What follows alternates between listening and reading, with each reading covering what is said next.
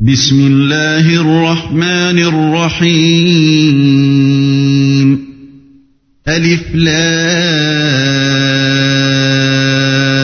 را تلك آيات الكتاب الحكيم Au nom d'Allah, le tout miséricordieux, le très miséricordieux. Alif, Lam, Ra. Voici les versets du livre plein de sagesse. أكان للناس عجبا أن أوحينا إلى رجل منهم أن أنذر الناس وبشر الذين آمنوا وبشر الذين آمنوا أن لهم قدم صدق عند ربهم قال الكافرون إن هذا لساحر مبين Est-il étonnant pour les gens que nous ayons révélé à un homme d'entre eux Avertis les gens et annonce la bonne nouvelle aux croyants qu'ils ont auprès de leur Seigneur une présence méritée pour leur loyauté antérieure. Les mécréants dirent alors, Celui-ci est certainement un magicien évident. إن ربكم الله الذي خلق السماوات والأرض في ستة أيام ثم استوى على العرش ثم استوى على العرش يدبر الأمر ما من شفيع إلا من بعد إذنه ذلكم الله ربكم فاعبدوه أفلا تذكرون Votre Seigneur est Allah qui créa les cieux et la terre en six jours, puis s'est établi Istawa sur le trône, administrant toutes choses. Il n'y a d'intercesseur qu'avec sa permission. Tel est Allah, votre Seigneur. Adorez-le donc. Ne réfléchissez-vous pas? إليه مرجعكم جميعا وعد الله حقا. إنه يبدأ الخلق ثم يعيده ليجزي الذين آمنوا وعملوا الصالحات بالقسط. والذين كفروا لهم شراب من حميم وعذاب أليم بما كانوا يكفرون C'est vers lui que vous retournerez tous. C'est là la promesse d'Allah en toute vérité. C'est lui qui fait la création une première fois, puis la refait, en la ressuscitant, afin de rétribuer en toute équité ceux qui ont cru et fait de bonnes œuvres. Quant à ceux qui n'ont pas cru, ils auront un breuvage d'eau bouillante et un châtiment douloureux à cause de leur mécréance. هو الذي جعل الشمس ضياء والقمر نورا وقدره منازل لتعلموا عدد السنين والحساب ما خلق الله ذلك إلا بالحق يفصل الآيات لقوم يعلمون C'est lui qui a fait du soleil une clarté et de la lune une lumière, et il en a déterminé les phases afin que vous sachiez le nombre des années et le calcul du temps. Allah n'a créé cela qu'en toute vérité. Il expose les signes pour les gens doués de savoir. إن في اختلاف الليل والنهار وما خلق الله في السماوات والأرض لآيات لقوم يتقون Dans l'alternance de la nuit et du jour, et aussi dans tout ce qu'Allah a créé dans les cieux et la terre, il y a des signes, certes, pour des gens qui craignent Allah. إن الذين لا يرجون لقاءنا ورضوا بالحياة الدنيا واطمأنوا بها والذين هم عن آياتنا غافلون Ceux qui n'espèrent pas notre rencontre, qui sont satisfaits de la vie présente et s'y sentent en sécurité, et ceux qui sont inattentifs à nos signes ou versets,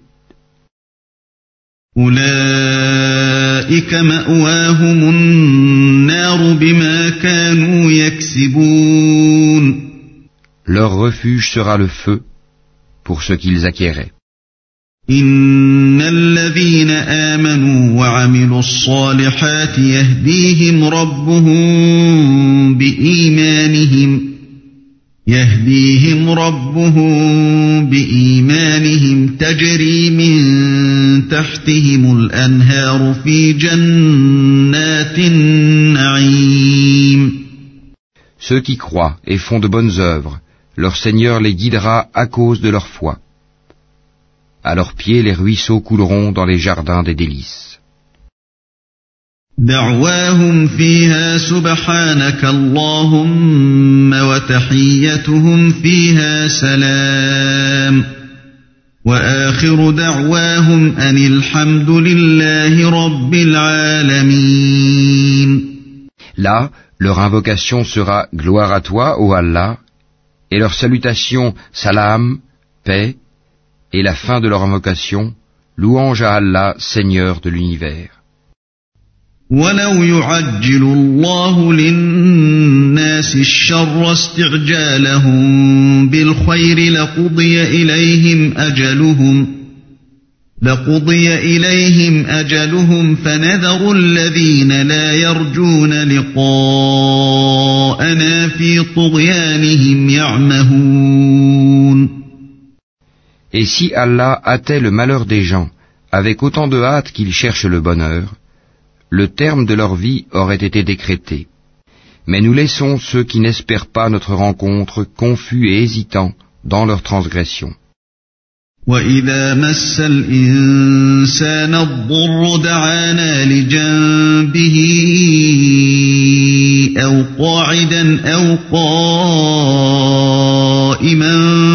فلما كشفنا عنه ضره فلما كشفنا عنه ضره مر كأن لم يدعنا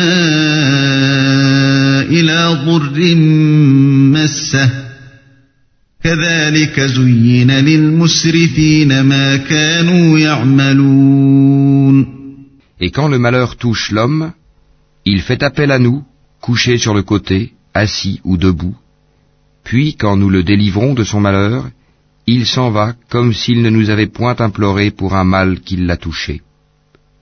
C'est ainsi que furent embellies aux outranciers leurs actions.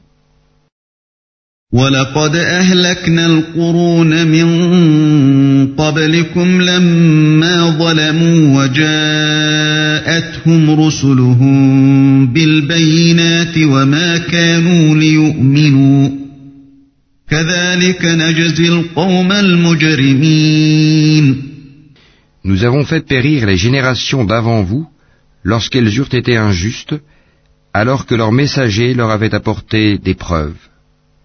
Cependant, elles n'étaient pas disposées à croire. C'est ainsi que nous rétribuons les gens criminels.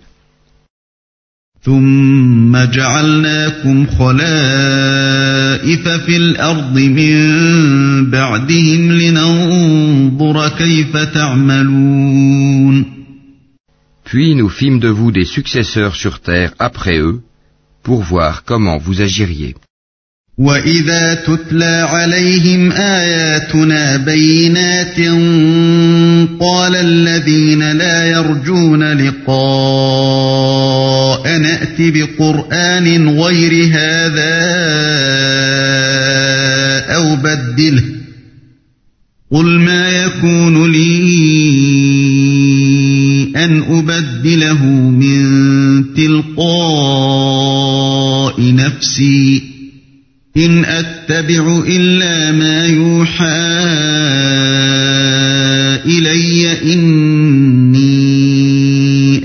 أخاف إن عصيت ربي عذاب يوم عظيم Et quand leur sont récités nos versets en toute clarté, ceux qui n'espèrent pas notre rencontre disent Apporte un Coran autre que celui-ci. Ou bien change-le. Dis, il ne m'appartient pas de le changer de mon propre chef, je ne fais que suivre ce qui m'est révélé, je crains, si je désobéis à mon Seigneur, le châtiment d'un jour terrible. قل لو شاء الله ما تلوته عليكم ولا أدراكم به ولا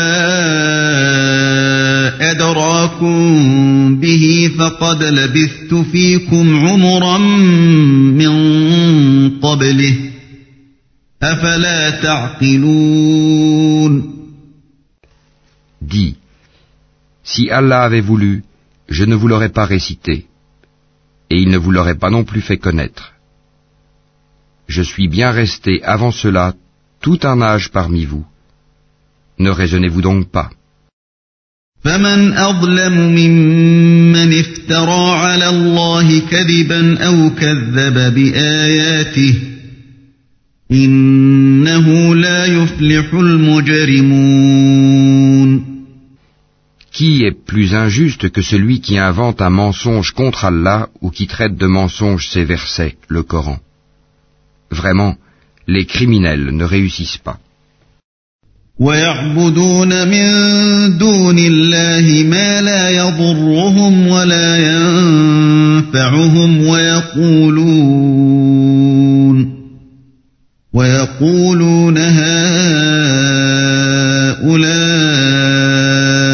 شفعاؤنا عند الله. قل أتنبئون الله بما لا يعلم في السماوات ولا في الأرض؟ سبحانه وتعالى عما يشركون. Ils adorent au lieu d'Allah ce qui ne peut ni leur nuire, ni leur profiter, et disent, Ceux-ci sont nos intercesseurs auprès d'Allah. Dis, Informerez-vous Allah de ce qu'il ne connaît pas dans les cieux et sur la terre Pureté à lui. Il est très élevé au-dessus de ceux qu'il lui associe. وما كان الناس إلا أمة واحدة فاختلفوا ولولا كلمة سبقت من ربك لقضي بينهم فيما فيه يختلفون Les gens ne formaient à l'origine qu'une seule communauté. Puis ils divergèrent. Et si ce n'était une décision préalable de ton Seigneur, les litiges qui les opposaient auraient été tranchés. ويقولون لولا أنزل عليه آية من ربه فقل إنما الغيب لله فانتظروا إني معكم من المنتظرين. Et ils disent, que ne fait-on descendre sur lui, Mohammed, un miracle de son Seigneur Alors dit, l'inconnaissable relève seulement d'Allah, attendez donc, je serai avec vous, parmi ceux qui attendent.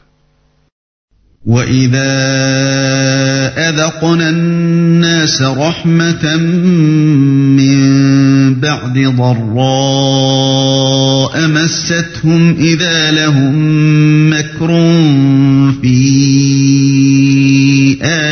آياتنا قل الله أسرع مكرا إن رسلنا يكتبون ما تمكرون Et quand nous faisons goûter aux gens une miséricorde après qu'un malheur les a touchés, voilà qu'ils dénigrent nos versets. Dis, Allah est plus prompt à réprimer ceux qui dénigrent ses versets, car nos anges enregistrent vos dénigrements. هو الذي يسيركم في البر والبحر حتى إذا كنتم في الفلك وجرين بهم وجرين بهم بريح طيبة وفرحوا بها جاءتها ريح عاصف جاءتها ريح عاصف وجاءهم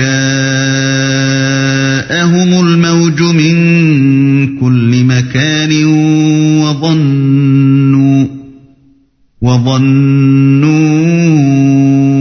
أنهم أحيط بهم. دعوا الله مخلصين له الدين لئن أنجيتنا لئن أنجيتنا من هذه لنكونن من الشاكرين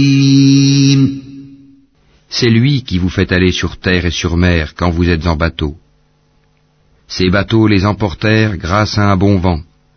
Ils s'en réjouirent jusqu'au moment où, assaillis par un vent impétueux, assaillis de tous côtés par les vagues, se jugeant enveloppés par la mort, ils prièrent Allah, lui vouant le culte et disant, Certes, si tu nous sauves de ceci, nous serons parmi les reconnaissants.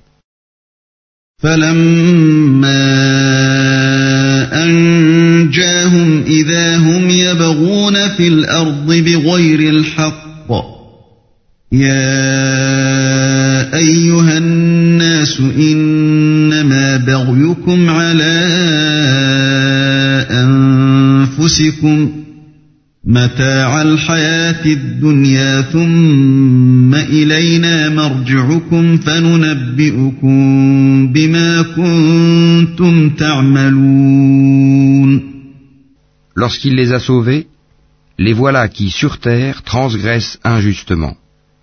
Ô gens, votre transgression ne retombera que sur vous-même. C'est une jouissance temporaire de la vie présente.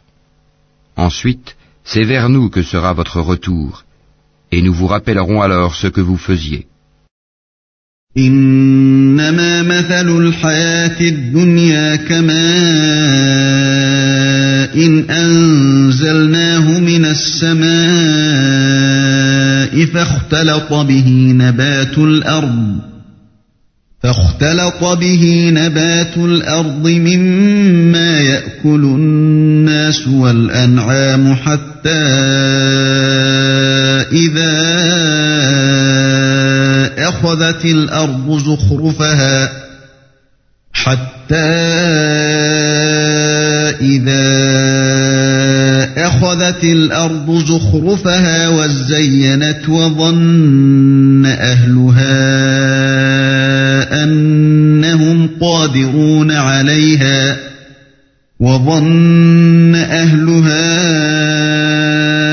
أنهم قادرون عليها أتاها أمرنا ليلا أو نهارا فجعلناها فجعلناها حصيدا كأن لم تغن بالأمس La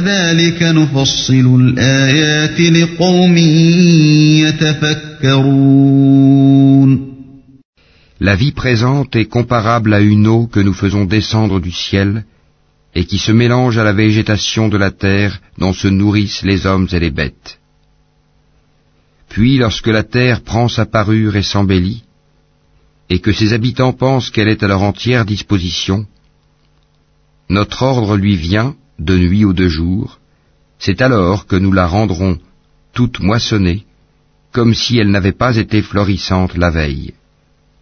Ainsi exposons-nous les preuves pour des gens qui réfléchissent. والله يدعو إلى دار السلام ويهدي من يشاء إلى صراط مستقيم Allah appelle à la demeure de la paix et guide qui il veut vers un droit chemin. للذين أحسنوا الحسنى وزيادة ولا وجوههم قتر ولا ذلة أولئك أصحاب الجنة هم فيها خالدون À ceux qui agissent en bien est réservée la meilleure récompense, et même davantage. Nulle fumée noircissante, nul avilissement ne couvriront leur visage. Ceux-là sont les gens du paradis où ils demeureront éternellement. والذين كسبوا السيئات جزاء سيئة بمثلها وترهقهم ذلة ما لهم من الله من عاصم كأنما أغشيت وجوههم قطعا من الليل مظلما أولئك أصحاب النار هم فيها خالدون Et ceux qui ont commis de mauvaises actions, la rétribution d'une mauvaise action sera l'équivalent. Un avilissement les couvrira, pas de protecteur pour eux contre Allah, comme si leur visage se couvrait de lambeaux de ténèbres nocturnes. Ceux-là sont, là, les gens du feu, où ils demeureront éternellement. ويوم نحشرهم جميعا ثم نقول للذين أشركوا مكانكم أنتم وشركاؤكم فزيلنا بينهم وقال شركاؤهم ما كنتم إيانا تعبدون Et rappelle-toi, le jour où nous les rassemblerons tous, puis nous dirons à ceux qui ont donné à Allah des associés, à votre place, vous et vos associés, nous les séparerons les uns des autres, et leurs associés diront, ce n'est pas nous que vous adoriez. فكفى بالله شهيدا بيننا وبينكم إن كنا عن عبادتكم لغافلين Allah suffit comme témoin entre nous et vous. En vérité, nous étions indifférents à votre adoration. هنالك تبلو كل نفس ما أسلفت وردوا إلى الله مولاهم الحق وضل عنهم ما كانوا يفترون Là, chaque âme éprouvera les conséquences de ce qu'elle a précédemment accompli. Et ils seront ramenés vers Allah leur vrai maître, et leurs inventions idoles s'éloigneront d'eux. قل من يرزقكم من السماء والأرض أم من يملك السمع والأبصار ومن يخرج الحي من الميت ومن يخرج الحي من الميت ويخرج الميت من الحي ومن يدبر الأمر فسيقولون الله فقل أفلا تتقون Dis, qui vous attribue de la nourriture du ciel et de la terre Qui détient l'ouïe et la vue Et qui fait sortir le vivant du mort et fait sortir le mort du vivant Et qui administre tout Ils diront Allah. Dis alors, ne le craignez-vous donc pas فذلكم الله ربكم الحق فماذا بعد الحق إلا الضلال فأنا تصرفون Tel est Allah, votre vrai Seigneur. Au-delà de la vérité, qu'y a-t-il donc sinon l'égarement Comment alors pouvez-vous vous détourner كذلك حقت كلمة ربك على الذين فسقوا أنهم لا يؤمنون C'est ainsi que s'est réalisée la parole de ton Seigneur contre ceux qui sont pervers. Ils ne croiront pas. قل هل من شركائكم من يبدأ الخلق ثم يعيده قل الله يبدأ الخلق ثم يعيده فأنا تؤفكون Dis, parmi vos associés qui donnent la vie par une première création et la redonnent après la mort, Dis, Allah seul donne la vie par une première création et la redonne. Comment pouvez-vous vous écarter de l'adoration d'Allah قل هل من شركائكم من يهدي إلى الحق قل الله يهدي للحق أفمن يهدي إلى الحق أحق أن يتبع أم من لا يهدي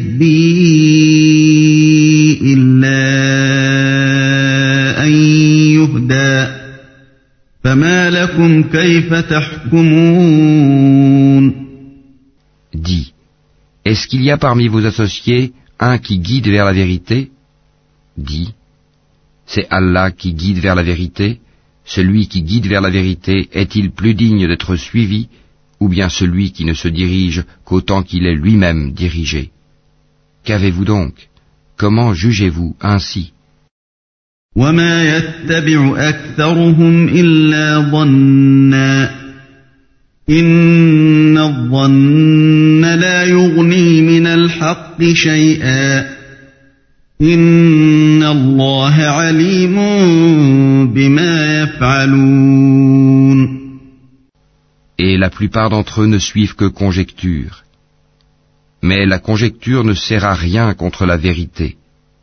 Allah sait parfaitement ce qu'ils font.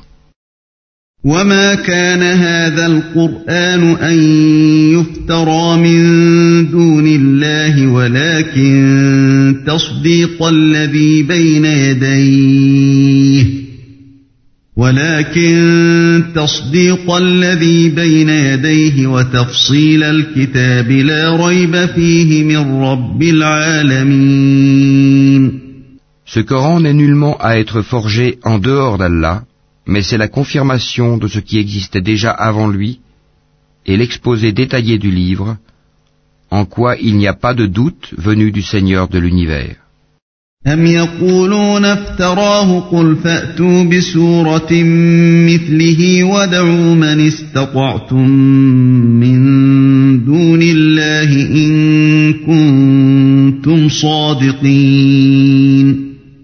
Ou bien ils disent Mohammed l'a inventé Dit, composez donc une sourate semblable à ceci, et appelez à votre aide n'importe qui vous pourrez, en dehors d'Allah, si vous êtes véridique.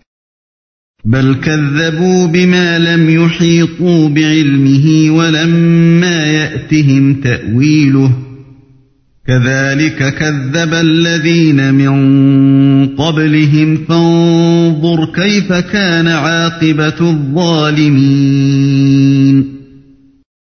Bien au contraire, ils ont traité de mensonges ce qu'ils ne peuvent embrasser de leur savoir et dont l'interprétation ne leur est pas encore parvenue.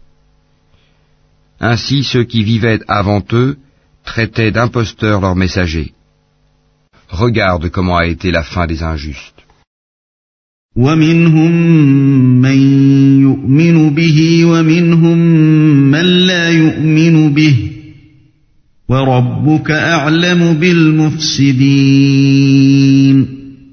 Certains d'entre eux y croient et d'autres n'y croient pas. Et ton Seigneur connaît le mieux les fauteurs de désordre. وَإِن كَذَّبُوكَ فَقُل لِّي عَمَلِي وَلَكُمْ عَمَلُكُمْ أَنتُم بَرِيئُونَ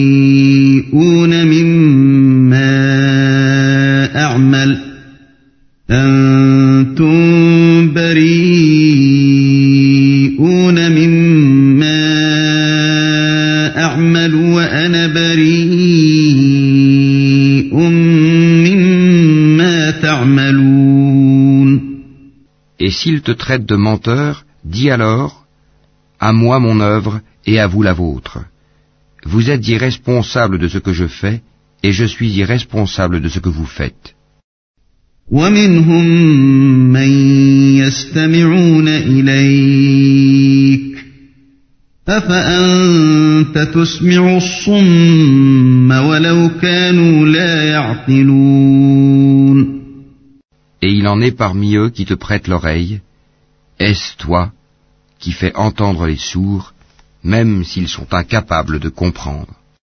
ومنهم من ينظر إليك أفأنت تهدي العمي ولو كانوا لا يبصرون Et il en est parmi eux qui te regardent. Est-ce toi qui peux guider les aveugles, même s'ils ne voient pas إن الله لا يظلم الناس شيئا ولكن الناس أنفسهم يظلمون En vérité, Allah n'est point injuste à l'égard des gens, mais ce sont les gens qui font du tort à eux-mêmes.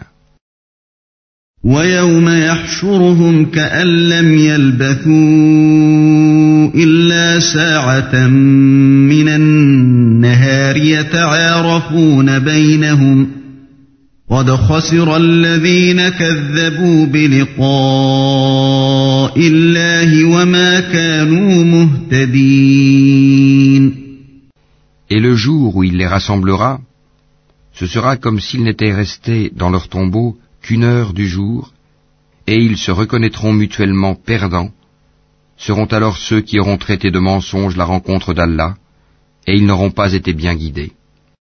وَإِمَّا نُرِيَنَّكَ بَعْضَ الَّذِي نَعِدُهُمْ أَوْ نَتَوَفَّيَنَّكَ فَإِلَيْنَا مَرْجِعُهُمْ ثُمَّ اللَّهُ شَهِيدٌ عَلَى مَا يَفْعَلُونَ Que nous te fassions voir une partie de ceux dont nous les menaçons, ou que nous te fassions mourir, en tout cas c'est vers nous que sera leur retour. Allah est en outre témoin de ce qu'ils font. وَلِكُلِّ أُمَّةٍ رَّسُولٌ فَإِذَا جَاءَ رَسُولُهُمْ قُضِيَ بَيْنَهُمْ فَإِذَا جَاءَ رَسُولُهُمْ قُضِيَ بَيْنَهُم بِالْقِسْطِ وَهُمْ لَا يُظْلَمُونَ À chaque communauté, un messager. Et lorsque leur messager vint, tout se décida en équité entre eux, et ils ne furent point lésés.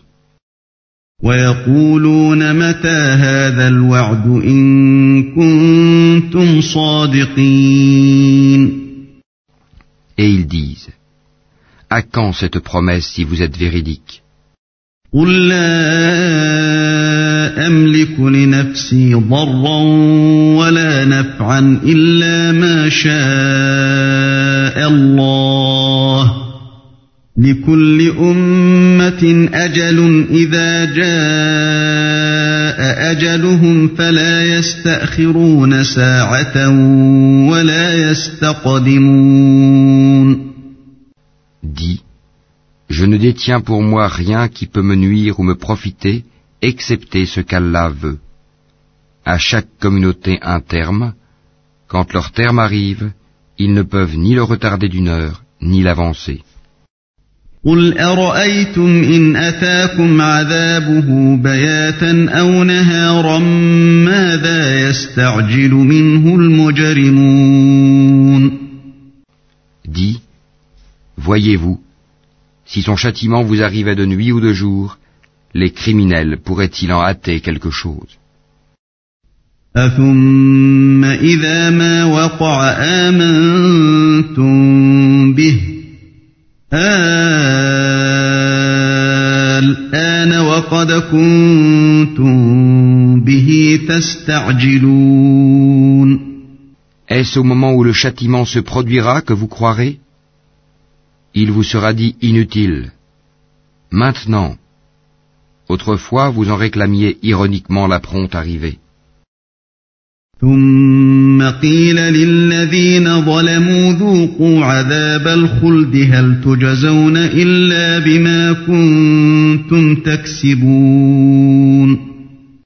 Puis il sera dit aux injustes, goûtez au châtiment éternel. Êtes-vous rétribués autrement qu'en rapport de ce que vous acquérez ويستنبئونك أحق هو قل إي وربي إنه لحق وما أنتم بمعجزين et il s'informe auprès de toi. Est-ce vrai Dis, oui,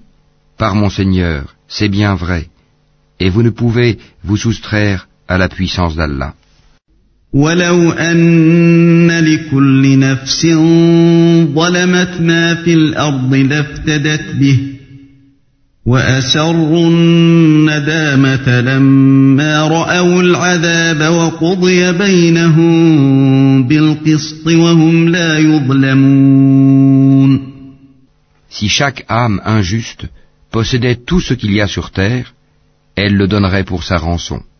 Ils dissimuleront leurs regrets quand ils verront le châtiment. Et il sera décidé entre eux en toute équité, et ils ne seront point lésés.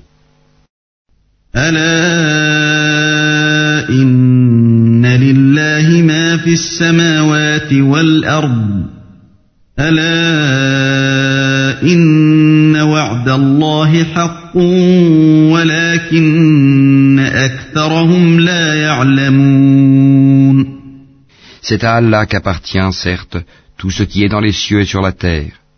Certes, la promesse d'Allah est vérité, mais la plupart d'entre eux ne le savent pas.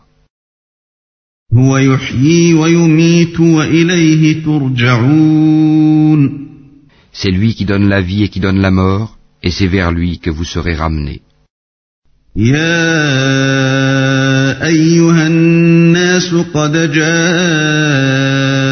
جاءتكم موعظة من ربكم وشفاء لما في الصدور.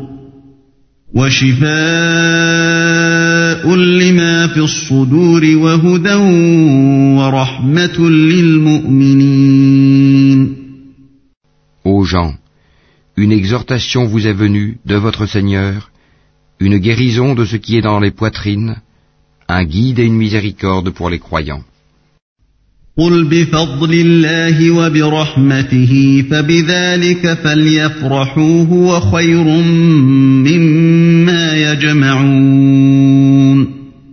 Dis, ceci provient de la grâce d'Allah et de sa miséricorde.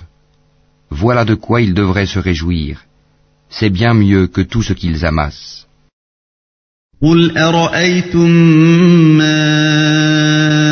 أنزل الله لكم من رزق فجعلتم منه حراما وحلالا قل آه الله أذن لكم أم على الله تفترون Que dites-vous de ce qu'Allah a fait descendre pour vous comme subsistance et dont vous avez alors fait des choses licites et des choses interdites? Dis, est-ce Allah qui vous l'a permis? Ou bien forgez-vous des mensonges contre Allah?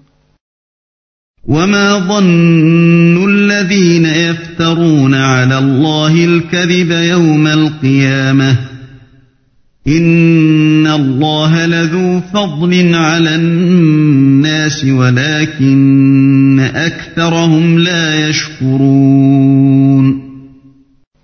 que penseront au jour de la résurrection, ceux qui forgent le mensonge contre Allah? Certes, Allah est détenteur de grâce pour les gens, mais la plupart d'entre eux ne sont pas reconnaissants. وما تكون في شأن وما تتلو منه من قرآن ولا تعملون من عمل إلا كنا عليكم شهودا إذ تفيضون فيه وما يعزب عن ربك من مثقال ذرة في الأرض ولا في السماء ولا أصغر من ذلك ولا أصغر من ذلك ولا أكبر إلا في كتاب مبين Tu ne te trouveras dans aucune situation tu ne réciteras aucun passage du Coran, vous n'accomplirez aucun acte sans que nous soyons témoins au moment où vous l'entreprendrez. Il n'échappe à ton Seigneur ni le poids d'un atome sur la terre ou dans le ciel, ni un poids plus petit ou plus grand qui ne soit déjà inscrit dans un livre évident.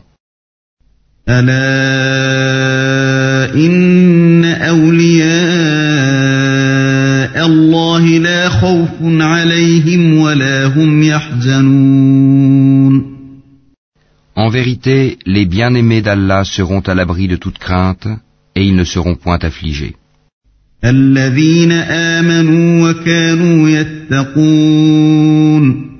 Ceux qui croient et qui craignent Allah. لهم البشرى في الحياة الدنيا وفي الآخرة لا تبديل لكلمات الله ذلك هو الفوز العظيم Il y a pour eux une bonne annonce dans la vie d'ici-bas, tout comme dans la vie ultime. Il n'y aura pas de changement aux paroles d'Allah. Voilà l'énorme succès. ولا يحزنك قولهم إن العزة لله جميعا هو السميع العليم Que ce qu'ils disent ne t'afflige pas. La puissance tout entière appartient à Allah. C'est lui qui est l'audient, l'omniscient. ألا إن لله من في السماوات ومن في الأرض وما يتبع الذين يدعون من دون الله شركاء إن يتبعون إلا الظن يخرصون C'est à Allah qu'appartient ce qui est dans les cieux et ce qui est sur la terre. Que suivent donc ceux qui invoquent en dehors d'Allah des divinités qui lui associent Ils ne suivent que la conjecture et ne font que mentir. هو الذي جعل لكم الليل لتسكنوا فيه والنهار مبصرا إن في ذلك لآيات لقوم يسمعون C'est lui qui vous a désigné la nuit pour que vous vous y reposiez et le jour pour vous permettre de voir. Ce sont en vérité des signes pour les gens qui entendent. قالوا اتخذ الله ولدا سبحانه هو الغني له ما في السماوات وما في الأرض إن عندكم من سلطان بهذا أتقولون على الله ما لا تعلمون Ils disent, Allah s'est donné un enfant, gloire et pureté à lui. Il est le riche par excellence. À lui appartient tout ce qui est aux cieux et sur la terre. Vous n'avez pour cela aucune preuve. Allez-vous dire contre Allah ce que vous ne savez pas قل إن الذين يفترون على الله الكذب لا يفلحون Dis, en vérité, ceux qui forgent le mensonge contre Allah ne réussiront pas. متاع في الدنيا ثم إلينا مرجعهم ثم نذيقهم العذاب الشديد بما كانوا يكفرون C'est une jouissance temporaire dans la vie d'ici-bas, puis ils retourneront vers nous et nous leur ferons goûter au dur châtiment à titre de sanction pour leur mécréance. واتل عليهم نبأ نوح إذ قال لقومه يا قوم إن كان كبر عليكم مقامي وتذكيري بآيات الله فعلى الله توكلت فعلى الله توكلت فأجمعوا أمركم وشركاءكم ثم لا يكن أمركم عليكم غمة ثم لا يكن أمركم عليكم غمة ثم قضوا إلي ولا تنظرون.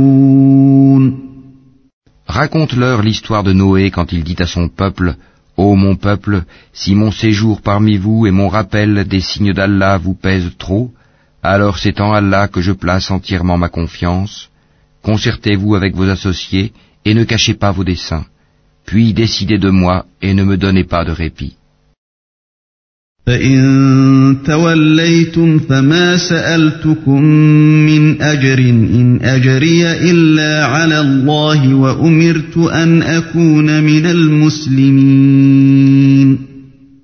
Si vous vous détournez, alors je ne vous ai pas demandé de salaire. Mon salaire n'incombe qu'à Allah, et il m'a été commandé d'être du nombre des soumis. فكذبوه فنجيناه ومن معه في الفلك وجعلناهم خلائف وأغرقنا الذين كذبوا بآياتنا. فانظر كيف كان عاقبة المنذرين.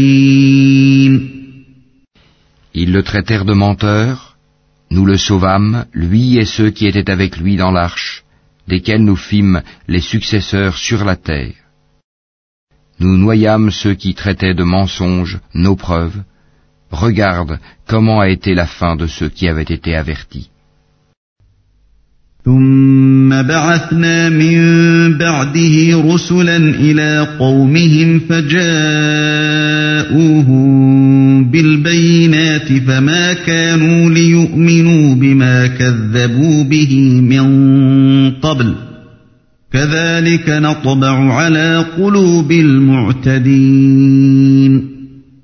Puis nous envoyâmes après lui des messagers à leur peuple. Ils leur vinrent avec les preuves. Mais les gens étaient tels qu'ils ne pouvaient croire à ce qu'auparavant ils avaient traité de mensonges.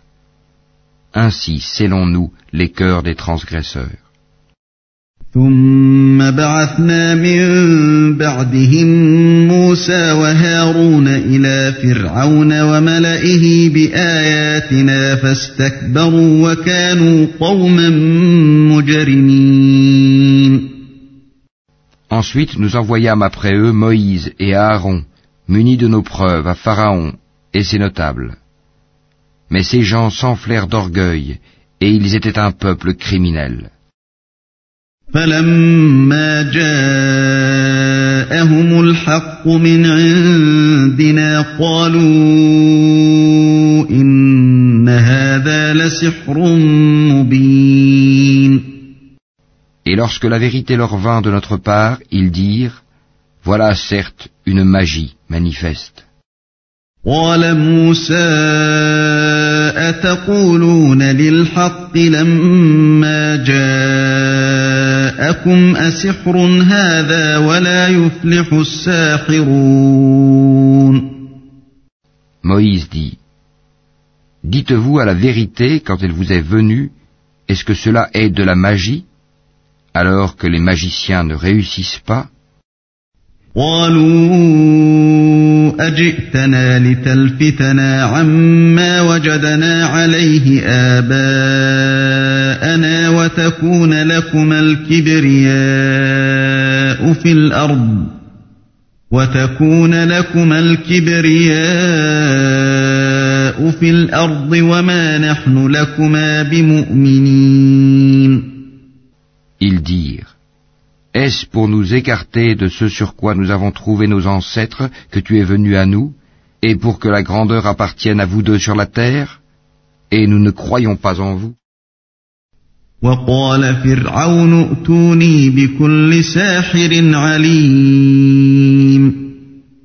Et Pharaon dit, Amenez-moi tout magicien savant. السحرة قال لهم موسى ألقوا ما أنتم ملقون Puis lorsque vinrent les magiciens, Moïse leur dit, Jetez ce que vous avez à jeter. فلما ألقوا قال موسى ما جئتم به السحر إن الله سيبطله إن الله لا يصلح عمل المفسدين Lorsqu'ils jetèrent, Moïse dit, Ce que vous avez produit est magie.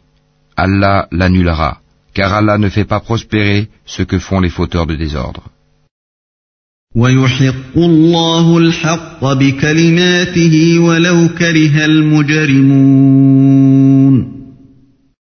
Et par ces paroles, Allah fera triompher la vérité, quelque répulsion qu'en ait les criminels.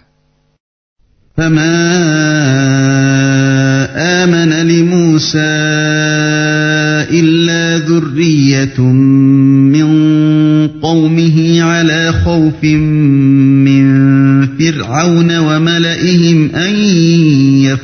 يفتنهم وإن فرعون لعال في الأرض وإنه لمن المسرفين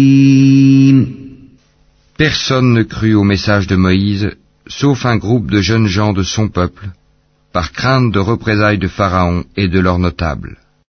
En vérité, Pharaon fut certes superbe sur terre, et il fut du nombre des extravagants.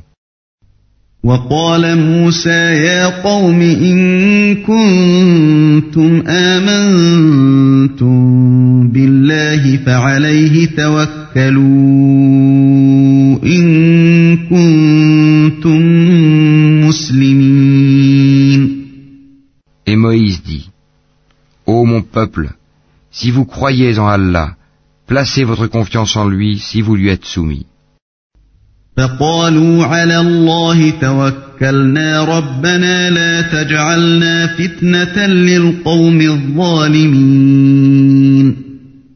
Ils dirent, En Allah nous plaçons notre confiance, ô notre Seigneur, ne fais pas de nous une cible pour les persécutions des injustes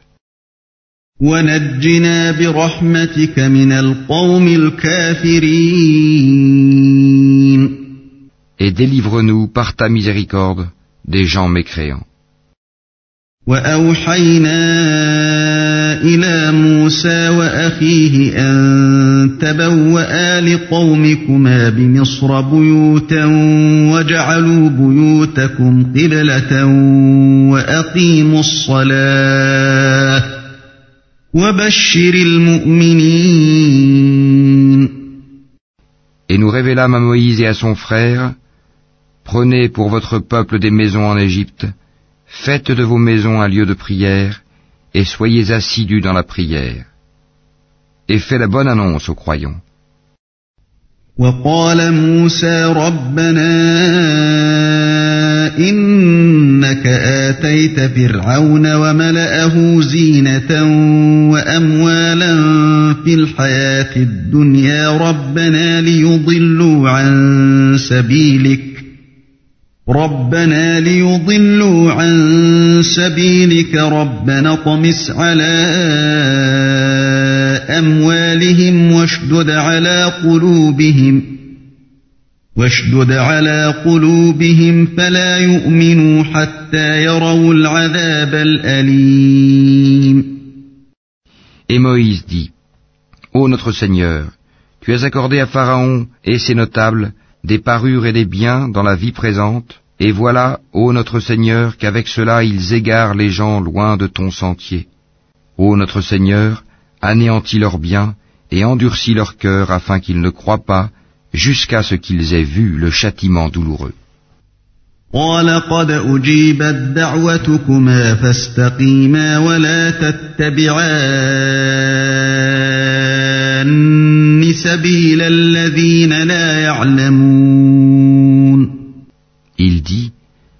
Votre prière est exaucée, restez tous deux sur le chemin droit et ne suivez point le sentier de ceux qui ne savent pas.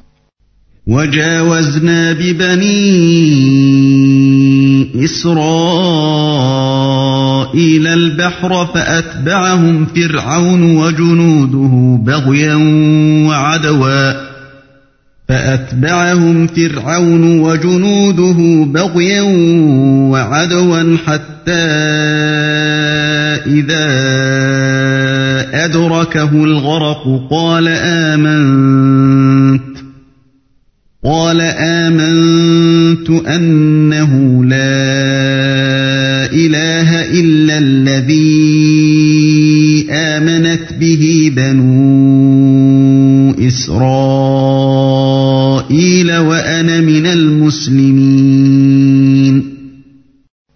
fîmes traverser la mer aux enfants d'Israël. Pharaon et ses armées les poursuivirent avec acharnement et inimitié. Puis quand la noyade l'eut atteint, il dit, Je crois qu'il n'y a d'autre divinité que celui en qui ont cru les enfants d'Israël, et je suis du nombre des soumis.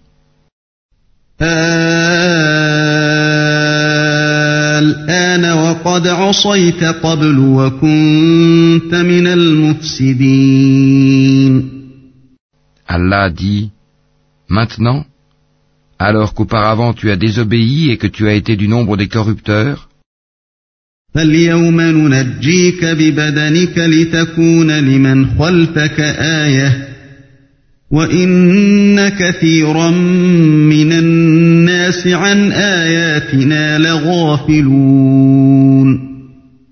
Nous allons aujourd'hui épargner ton corps afin que tu deviennes un signe à tes successeurs. Cependant, beaucoup de gens ne prêtent aucune attention à nos signes d'avertissement. ولقد بوأنا بني إسرائيل مبوأ صدق ورزقناهم من الطيبات فما اختلفوا حتى جاءهم العلم إن ربك يقضي بينهم يوم القيامة فيما كانوا فيه يختلفون Certes, nous avons établi les enfants d'Israël dans un endroit honorable et leur avons attribué comme nourriture de bons aliments. Par la suite, ils n'ont divergé qu'au moment où leur vint la science. Ton Seigneur décidera entre eux au jour de la résurrection sur ce qui les divisait.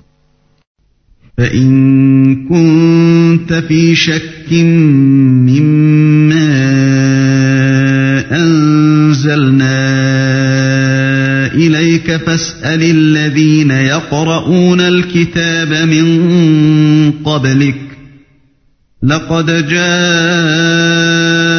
الحق من ربك فلا تكونن من الممترين Et si tu es en doute sur ce que nous avons fait descendre vers toi, interroge alors ceux qui lisent le livre révélé avant toi.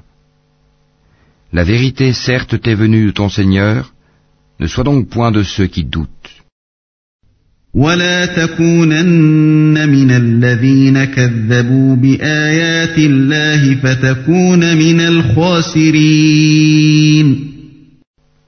Et ne sois point de ceux qui traitent de mensonges les versets d'Allah, tu serais alors du nombre des perdants.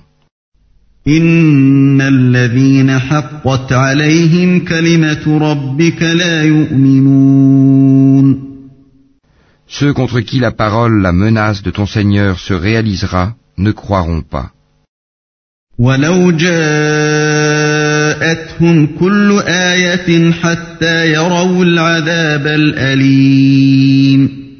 Même si tous les signes leur parvenaient,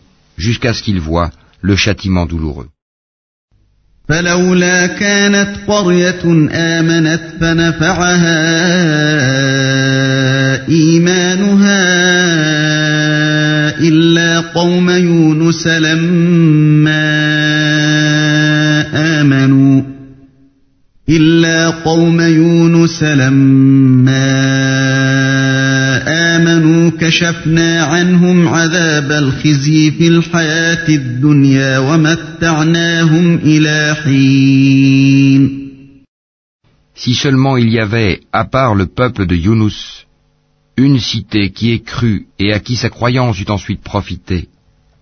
Lorsqu'ils eurent cru, nous leur enlevâmes le châtiment d'ignominie dans la vie présente et leur donnâmes jouissance pour un certain temps.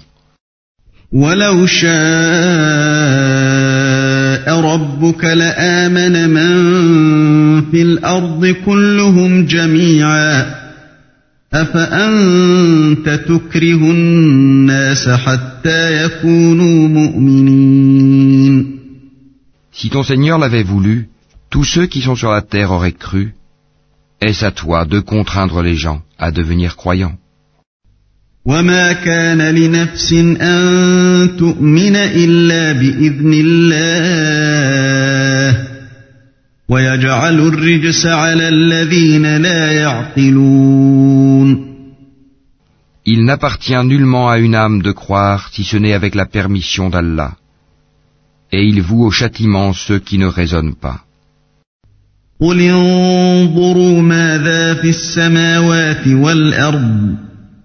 وما تغني الآيات والنذر عن قوم لا يؤمنون Dis, regardez ce qui est dans les cieux et sur la terre, mais ni les preuves, ni les avertisseurs, prophètes, ne suffisent à des gens qui ne croient pas. فهل ينتظرون إلا مثل أيام الذين خلوا من قبلهم قل فانتظروا إني معكم من المنتظرين Est-ce qu'ils attendent autre chose que des châtiments semblables à ceux des peuples antérieurs Dis, attendez, moi aussi j'attends avec vous.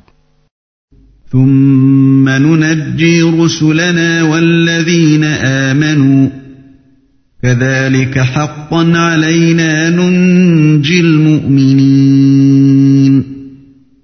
Ensuite, nous délivrerons nos messagers et les croyants. C'est ainsi qu'il nous incombe en toute justice de délivrer les croyants. قل يا أيها الناس إن كنتم في شك من ديني فلا أعبد الذين تعبدون فلا أعبد الذين تعبدون من دون الله ولكن أعبد الله الذي يتوفاكم وأمرت أن أكون من المؤمنين.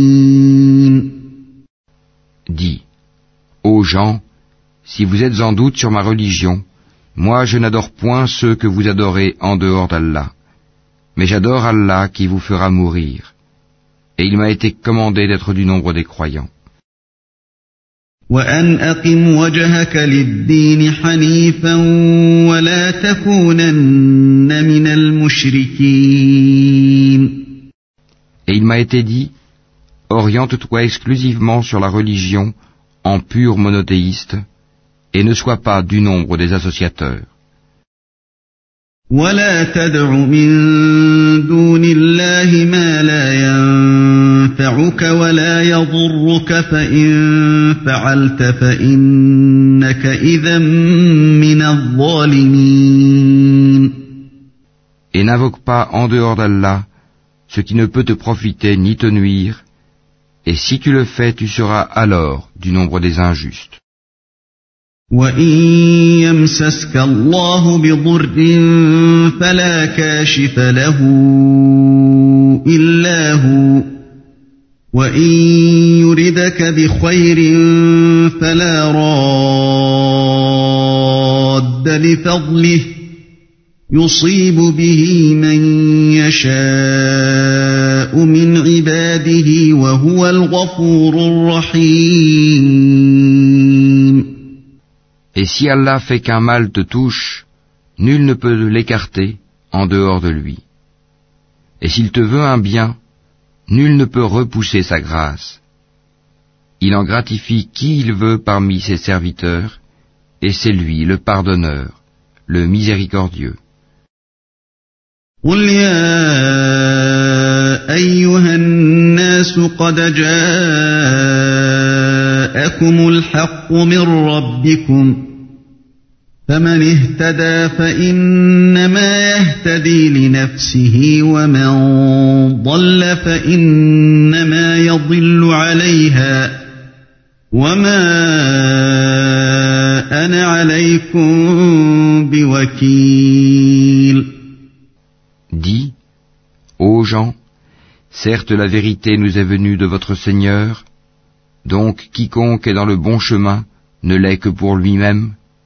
Et quiconque s'égare ne s'égare qu'à son propre détriment. Je ne suis nullement un protecteur pour vous.